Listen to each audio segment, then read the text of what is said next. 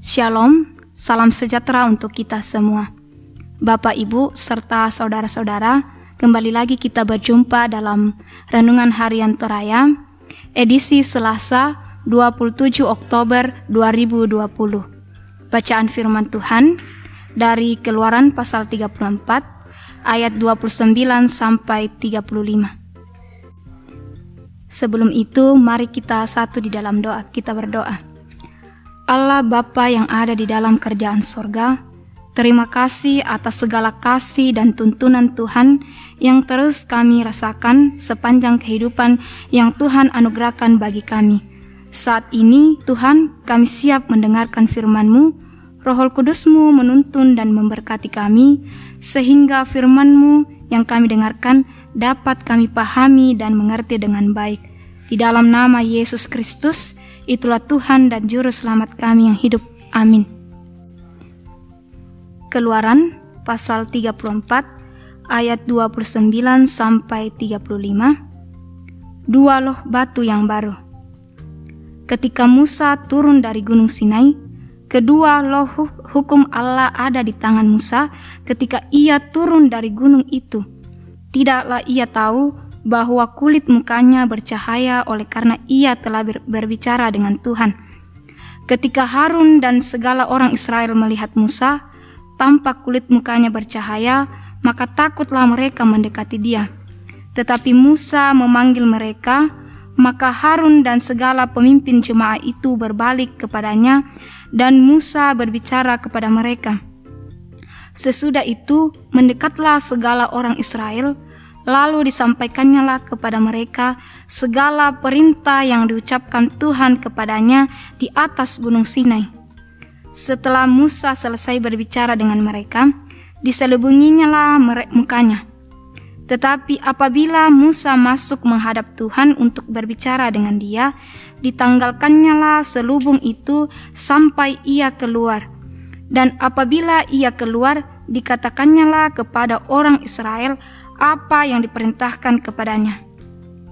Apabila orang Israel melihat muka Musa, bahwa kulit muka Musa bercahaya, maka Musa menyelubungi mukanya kembali sampai ia masuk menghadap untuk berbicara dengan Tuhan. Amin. Tema kita hari ini yaitu glowing, bercahaya. Glowing, ya, Wajah glowing bercahaya adalah dambaan setiap wanita.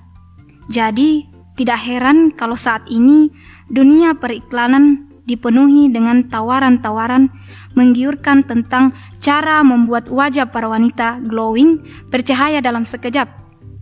Pembacaan kita saat ini juga bercerita mengenai wajah yang bercahaya. Wajah siapa? Wajah Musa. Seperti apakah mukanya yang bercahaya itu?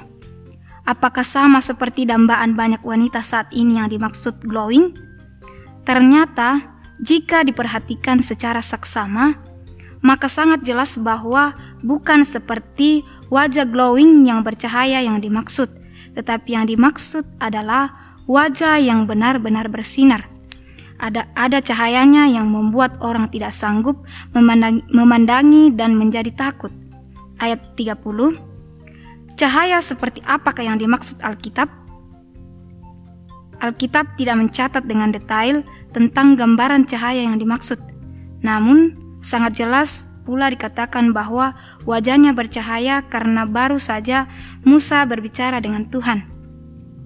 Cahaya itu melekat karena Musa kembali untuk menyampaikan apa yang Tuhan inginkan dari bangsa Israel.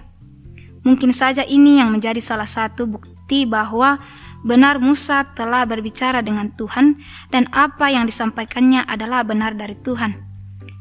Kita juga adalah orang-orang yang dipakai Tuhan dalam dunia ini menyampaikan inginnya. Dia pun mau kita bercahaya dan di depan banyak orang dengan menjadi teladan yang baik. Jangan pernah takut menyampaikan apa kata Tuhan.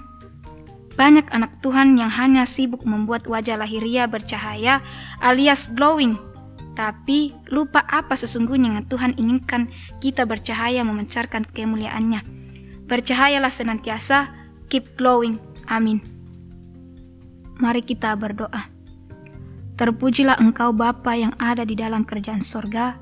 Terima kasih atas firman-Mu yang sudah kami dengarkan dan renungkan.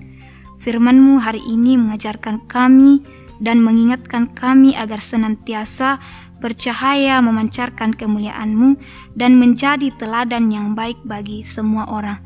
Ya Tuhan, inilah doa anak-Mu melalui Yesus Kristus, itulah Tuhan dan Juru Selamat kami yang hidup. Amin. Demikianlah perenungan kita hari ini, semoga kita terberkati. Jangan lupa dengarkan podcast PPGT Jemaat Lombongan lagi berikutnya ya.